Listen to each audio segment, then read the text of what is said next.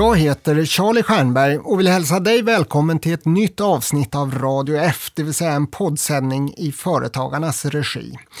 Där vi träffar entreprenörer, företagsledare och jakten i det här programmet handlar ju lite grann om att hitta företagandets kärna. Vad är det som driver människor? Vad är det som sporrar människor? Och som vanligt hittar du oss på Företagarnas hemsida och på iTunes. Minnesgoda lyssnare kanske kommer ihåg att vi i tidigare avsnitt har träffat både det lilla företaget eh, med två personer eh, anställda och storföretagaren Kristina Lampe Önnerud och Boston Power med hundratals anställda. Idag har turen kommit till en person vars företag symboliserar det typiskt mellanstora företaget. Bolaget omsätter ungefär eller lite drygt 100 miljoner kronor och vi måste erkänna att vi, vi grälade här lite inför den här sändningen när vi skulle försöka sätta hur många anställda det här bolaget har. Så vi återkommer till den frågan, men låt mig först presentera och välkomna Thomas Lindgren. Eh, du är en av grundarna till tv-produktionsbolaget Stockholm-Köpenhamn som producerar succéer, bland annat med eh, Filip och Fredrik. Välkommen Thomas! Tackar, tackar när man tänker på tv-världen så tänker man egentligen ganska mycket på den makt ni besitter. Oavsett om ni har tio fasta anställda eller hundra fasta anställda så det är ju ändå ni som påverkar vad vi svenskar gör om kvällarna. Hur känns det? Det känns kul, framförallt om det är program som man själv verkligen är stolt över. har gått igenom en väldigt, eh, ibland är det jobbiga resor för att få ihop de där programmen. Eh, men Köping, såklart jättestolt över ett sånt fint program på många sätt som ja, kanske kan betyda något för dem som det handlar om.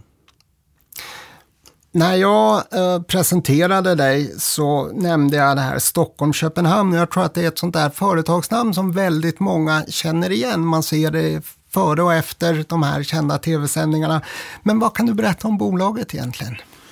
Egentligen vi startade, vi, jag och min dåvarande eh, partner, eh, Henrik Bastin, var på Jarowski, hade drev en långfilmsavdelning där och eh, bestämde oss för att starta upp ett eget bolag. Eh, gick lite sådär i början, eh, kokade ner det till bara mig, vi var fler eh, medarbetare då, kokade ner det bara till mig och eh, Henrik och körde igång ja, ett gäng mindre succéer som Ursäkta röran och ett eh, antal program som gick på TV4 Plus, bland annat ett program som heter Zigzag som på något sätt tycker jag, där någonstans släppte det. Och sen snubblar ni väl på guldkornen, man får väl kalla dem för det, Fredrik och Filip? Ja, det var, ursäkta, det var deras första program som på TV4. Det var kanske inte full succé första svängen där. Vi blev... Omtalade blev ni i alla fall. Det vart vi verkligen. Eh, vi hade väldigt, väldigt mycket press på det där programmet och eh, så tittar man tillbaka på det är det svårt att se att det kunde uppröra så pass mycket som det gjorde. Eh, men det var väl, var väl lite före sin tid kanske. Men som företag har ni gjort en ganska intressant resa, i alla fall om man tittar på schablonbilden av företagande. Nämligen ni drev upp ett bolag, gjorde det omtalat, lönsamt eh, och intressant så att eh, era konkurrenter kände sig manade att köpa det för några år sedan. Stämmer. Ja, jag vet inte om det var något direkt mål. Jag tror vi alla egentligen gjorde det som vi gillar och gillar att göra tv-program. Sen, eh, sen kanske alla har lite olika mål med det, men på något sätt är det ett skönt sätt att sätta punkt, även om det egentligen inte är någon skillnad att fortsätta på något annat sätt. Det är fortfarande samma slit och, jobb ändå för att få det där att funka. Men låg det i korten så att säga? Var det någonstans i bakhuvudet Tänkte ni så här, ja nu startar vi det här, tänk en dag och få sälja det och göra en stor hacka? Inte för mig personligen. Det var inte klart att det, jag ska inte på något sätt förringa att det känns tryggare att ha tjänat en slant och kunna, man blir kanske lite järvare på något sätt. Där fick vi liksom, någon, vi var, hamnade också i ett läge där vi var tvungna att göra jättestora investeringar i backoffice, eh, receptionister, datasupporter och allt vad det innebär. Eh, vi hade kört det väldigt tajt innan. Vi, vi, ska prata mer om, om de här förändringen, att gå från entreprenör till löneslav eller tjänsteman. Men, men först tänkte jag fråga lite så här, eh, ni var ju flera delägare då. Är det, hur enkla var de diskussionerna när ni fick det här erbjudandet? Det, ja, det var ganska enkelt. Jag tror det var ingen som egentligen satte sig emot det där. Det var ett bra, vi fick ett fint erbjudande. Vi alla var nöjda tror jag. Eh, sen finns det alltid personer runt omkring som har betytt mycket för bolaget som man kanske skulle önska att vara del i resan. Men ja, det är så det blir. När timingen, det blir för svårt att också lösa in folk i en situation där bolaget är rätt mycket värt och då blir det skattemässigt väldigt komplicerat. Men du, jag har tänkt på det när jag har läst på lite inför den här träffen eller intervjun så, så en bild som blir väldigt tydlig, dels när man läser på men, men när man också pratar om folk som har jobbat med er, att du har ju haft en co-driver, Henrik Bastin, som eh, Ja, uppfattningen i branschen tror jag är att ni har varit lite som ler och långhalm ända från början. Hur viktigt är det att ha en co-driver när man driver ett företag? Jag tror det är extremt viktigt om man ska vara helt ärlig. Eh, I min och Henriks fall så var vi ganska olika personligheter, vilket på många sätt, eh, vi kompletterar varandra väldigt bra. Vilka är dina svaga sidor som han har stärkt upp och vice versa? Oh, kan det vara? Han är betydligt, eh, han är bättre för att, att driva det lite hårdare, driva det ekonomiskt hårt. Jag mer kanske fokuserad på att produkten ska bli bra. Nu, nu är jag inte någon tokig jävla producent som bara gör allt för att det ska bli... Jag bryr mig ganska mycket om ekonomin också, men han är väl snäppet vassare på det. Vad har ni haft för diskussioner? Vad är den värsta diskussion ni har haft? Värsta var nog en gång när jag höll på med ett projekt när, eh, som inte gick så bra. Och, eh, Innehållsmässigt? Ja, eller? Det, var, det blev väldigt dåligt. Och, eh, det slutade med att vi bytte ut hela redaktionen i stort sett men, och startade om den där var det rätt mycket höjd, lite höjda röster. Nära att ni splittrades rent utav? Nej, nej, det var det aldrig. Men vi, vi har god kontakt fortfarande så det är inte på något sätt, finns inget, inget som ligger och pyr där. Hur mycket sanningar tål en sån här relation? Går det att säga vad som helst eh, när man är affärskompanjoner? Eller finns det några områden som är helt tabu? Man får inte kritisera varandra för följande tre nej. saker eller något. Nej, nej, det, det är, de spärrarna ryker ganska snabbt när man gått igenom sådana här långa resor. Jag menar, det är ju ändå tiotal år som man... Eh, ja, jag menar, man är ju där hela dagarna och mer än så.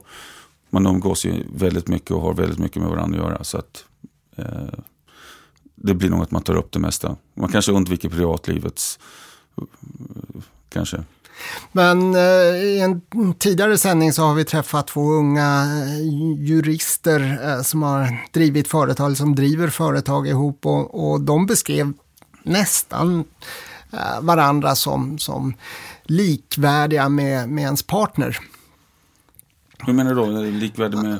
Ja, ens ja, kärleksrelation. Kärlekspartner, ja, ja herregud, vi, man ses ju dygnet runt. Jag menar, eh, klart man blir väldigt... Man kan ju bli liksom, likt ett förhållande så kan ju, är det ju lättare att, att kanske höja rösten eh, i, mot varandra. Men jag är lite lugnare än vad Henrik är. Så att... Men du, jag har tänkt på det, eh, i samband med att ni gjorde den här försäljningen då så slutade det med att din kompanjon och, och partner. Mm. Fick ett annat uppdrag, flyttade utomlands för att driva en verksamhet där. Vad hände med dig? Jag är kvar fortfarande. Jag hade ganska komplicerade eh, konkurrensbegränsningar. och jag tycker jag fick in en jäkla duktig vän som vd, som Mikael Svensson, som har, skulle kanske ersatt den här co-pilot-tänket med. Eh, jag tycker man bör ha ha någon som man liksom kan verkligen prata om det innersta i verksamheten och kunna ha någon som man kan diskutera alla typer av svåra eller även enkla saker. Man behöver ha någon som man kan prata om i den inre kretsen. Och eh, numera är Micke Svensson där men Henrik och jag umgicks i alla fall i tre och ett halvt år i, tillsammans på, på, med verksamheten. Hur ofta hörs ni om dagarna? Har varit lite mindre på sistone. Vi tar, senast förra torsdagen pratade jag med en. Han har ju köpt rättigheterna till en uh, jäkligt spännande författare, Michael Connolly, vilket ja, jag tycker det var kul och jag tycker det var fantastiskt bra. move från honom, hans sida. Nu kommer jag egentligen tillbaka till den här frågan vi pratade om tidigare, att gå från entreprenör till tjänsteman. Du har ju varit med om mm. den resan. Vad, vad ser du skillnaden? Märker du till exempel vad gäller den saken, att hålla den här höga servicenivån, kvalitet? Personligen så kan inte jag riktigt känna någon skillnad. Det var ett tag när det var lite turbulent i, när Shine köpte Metronom och som jag tyckte var ganska jobbig och då tyckte jag fan, det här är kanske inte min min melodi, att bli involverad i den där större eh, globala mediekoncernen.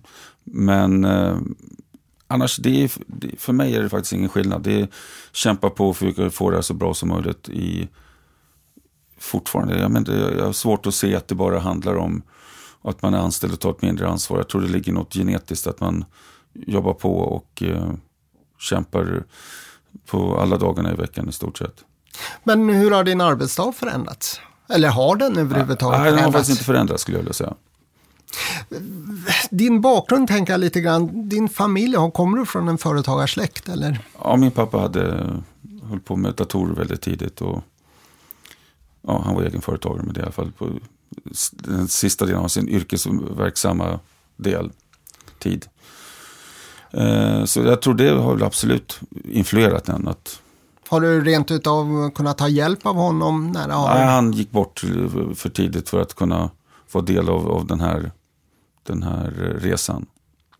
Men ni har ju varit verksamma eh, nu ett antal år och, och, jag skulle vilja säga att den perioden sammanfattar också lite skillnaden i syn på företagande. Eh, idag eh, så är det Ja, det är fler som intresserar sig för det, det är mer vedertaget. Märker du någon sån skillnad att synen på företagarna förändrats de senaste tio åren? Eller Absolut, jag menar tidigare var det, jag menar, vi kom ju från någon typ av att det är andras ansvar att ta hand om, om uh, inkomsten till sig själv och till något som definitivt ser helt annorlunda ut. I, att starta företag känns inte lika ouppnåeligt tror jag som det kanske var för 10-15 år sedan. Eh, det där är något som jag tror bara kommer växa. Att, att uh, vi kommer, nu kanske jag inte ska gnälla på men det är, vi kommer från ett sosse-tänk där, där man skulle få vara garanterad uh, arbete resten av sitt liv på bruket eller vad det kan vara. Men det ser inte ut så längre. Men om du hade varit fem år äldre, vad hade du gjort då? Hade du ändå startat företag tror du? Jag, vet inte, jag tror att det handlar om massa delar en sitt liv där man någonstans träffar på människor som man känner att inspirerar en att, att gå åt det hållet. Eh, jag tror att eh, med lite, annan, lite otur och lite annan umgängeskrets hade det sett annorlunda ut. Kanske jag varit, jobbat på ABB fortfarande eftersom jag är från Västerås. Men det här att ni ändå gjorde en exit och, och ryktena i branschen säger att ni någonstans 80, 70, 80, 90 miljoner att dela på ett antal personer. Hur viktigt är, är ekonomi som drivkraft i företagandet?